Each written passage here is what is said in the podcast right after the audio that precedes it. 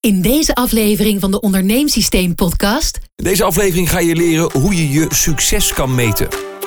ben jij ondernemer, maar heb je het gevoel dat je continu achter de feiten aanloopt? Zou je graag zonder zorgen willen ondernemen, meer willen verdienen met minder inspanning? Stroomlijn je bedrijf met Onderneemsysteem. Twee doorgewinterde ondernemers laten je graag zien hoe je makkelijker je bedrijf runt, meer kunt verdienen en vooral met plezier kunt ondernemen. Hier zijn Arlo van Sluis en Sil van Stoet. Goed, het is eh, de vierde podcast van het onderneemsysteem.nl. Leuk dat je erbij bent. Eh, Arlo van Sluis, goeiedag. Hoe is, eh, hoe is jouw week geweest? Nou, het is wel. eh, Ja, ik kan natuurlijk niet zeggen ik heb keihard gewerkt, want dat eh, past niet zo in ons, in ons wilde plan. Maar ik, dit was wel een drukke week toch wel. stiekem. Ja? Ja. Leuke dingen? Nieuwe dingen? Ja, allemaal ook een hoop eh, privé drukte, allemaal leuk en lekker aan het werk geweest. Veel eh, onderweg en toevallig vandaag, eh, hoe lang is het dan? 2,5, 3,5 uur erover gedaan van Amsterdam eh, naar mijn uh, Zeeuwse stulpje. Dus dan. eh, Ja, dat is wel leuk om even te vertellen, want ik zit nu in Soest, in de provincie Utrecht. En jij woont in, in Zeeland. Ja.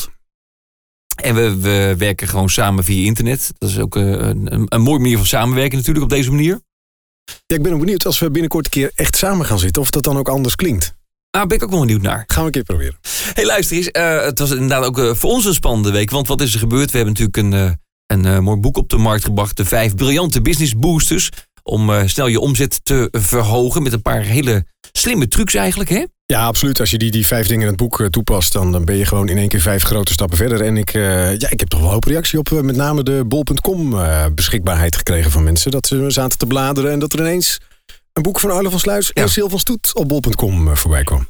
Trots ben ik erop. Kijk, we hebben het eh, boek natuurlijk eh, gratis aangeboden op onze site. Nog steeds trouwens. Als je het nog niet hebt, ga naar onderneemsysteem.nl. Dan eh, kan je hem gewoon gratis downloaden.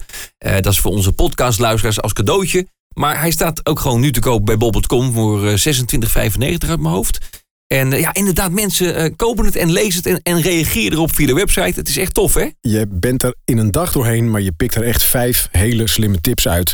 Waarmee je met je business op een makkelijke manier verder kan. En het is allemaal praktisch, dus niet een, een boek waar je eh, weken in het lezen bent. En als je klaar bent, dat je denkt van, eh, ja, er was iets wat ik moest doen. Maar je leest het en je kan het meteen toepassen. En ik garandeer je, gaat er echt wat aan hebben als bedrijf. Ja, je kan hem, eh, dat hebben wij het liefste dat je hem koopt, hè? Bij bol.com voor Ja, dat hebben we toch wel het liefst, ja.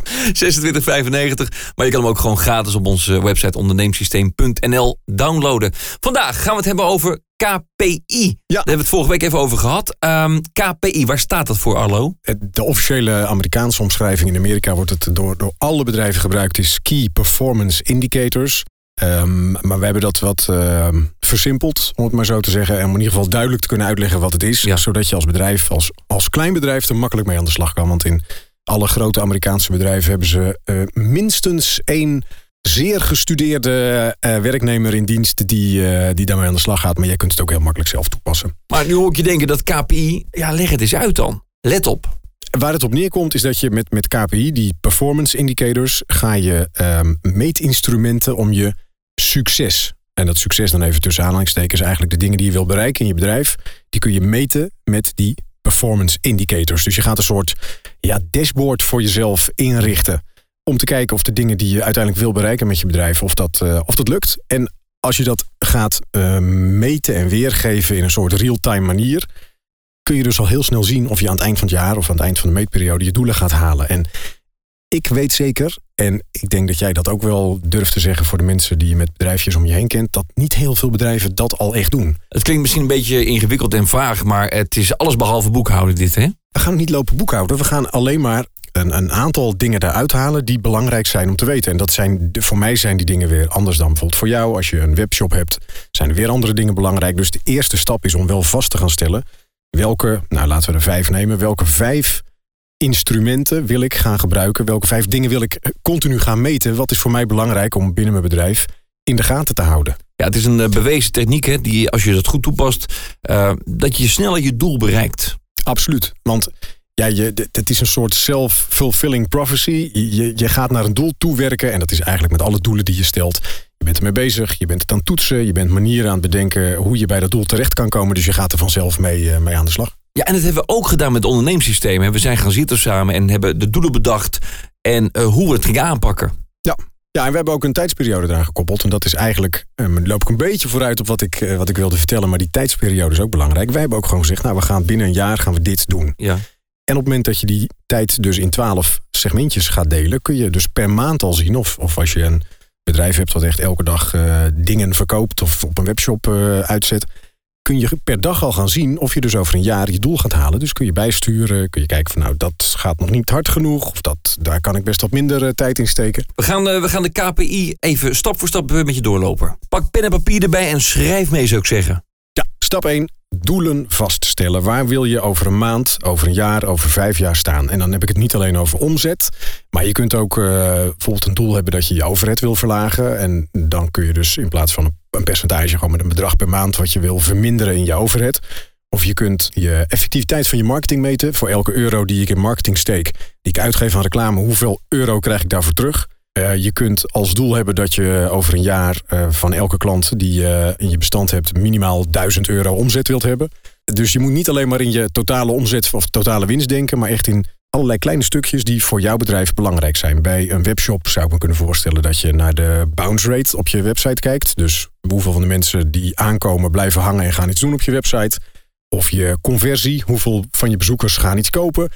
Dat zijn allemaal doelen die je makkelijk in een KPI kunt gooien, in een performance indicator. Ja, en dat kunnen we niet helemaal met harde cijfers concreet maken, want dat scheelt per bedrijf natuurlijk. Daar is echt geen zinnig woord over te zeggen van je moet minimaal per besteden euro 5 euro omzetverhoging halen. Dat is per branche, per bedrijf, per, per persoon, per markt, per week is dat, is dat anders. Dus daar kun je niet iets aan koppelen, maar je moet wel voor jezelf daar uh, inzicht in hebben. En op het moment dat je met KPI aan de slag gaat, en daarom is het zo belangrijk, ga je dus nadenken over waar je naartoe wilt.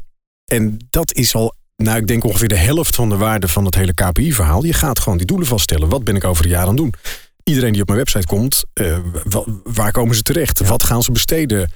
Uh, hoe vaak komen ze terug? Komen ze binnen een week terug? Dat zijn allemaal dingen die je voor jezelf een, een, een waarde moet geven. Wat vind jij belangrijk? De belangrijkste dingen die ga je meten. Ja, ik heb het zelf ook op, uh, in mijn webshops gehad. Uh, ik had een ledwinkel uh, online. En ik merkte dat als mensen om, om, een minuutje of drie, drieënhalf online waren op de website, dan, dat, dan gingen ze pas kopen. Heel gek was dat. Dus nou. ik, ik ben ook gaan, gaan zoeken naar manieren om die mensen langer vast te houden. En dat zijn natuurlijk ook doelen die je in je eigen bedrijf kan, kan stellen. Ja, en dan is het dus leuk om aan het eind van de maand te kijken van nou, hoeveel bezoekers heb ik gehad en hoeveel procent van die bezoekers is langer dan drie minuten gebleven. En hoeveel procent van die mensen heeft uiteindelijk wat gekocht. Daar kun je percentages aan koppelen. En die zijn interessant om een maand later en weer een maand daarna en weer een maand daarna te kijken of daar een positieve lijn in zit. En ja, tegenwoordig alle online zaken zijn natuurlijk met Google Analytics en met AdWords metingen kun je dat allemaal heel makkelijk uh, terugvinden. Maar er zijn al bijvoorbeeld al heel veel bedrijven die hebben geen uh, omzetoverzicht per maand. Als je dan zegt van nou, wat heb je nou deze maand gedaan en vorige maand? Of deze maand en dezelfde maand vorig jaar. Dat, dat zijn echt wel dingen die je moet uh, weten om op te kunnen sturen.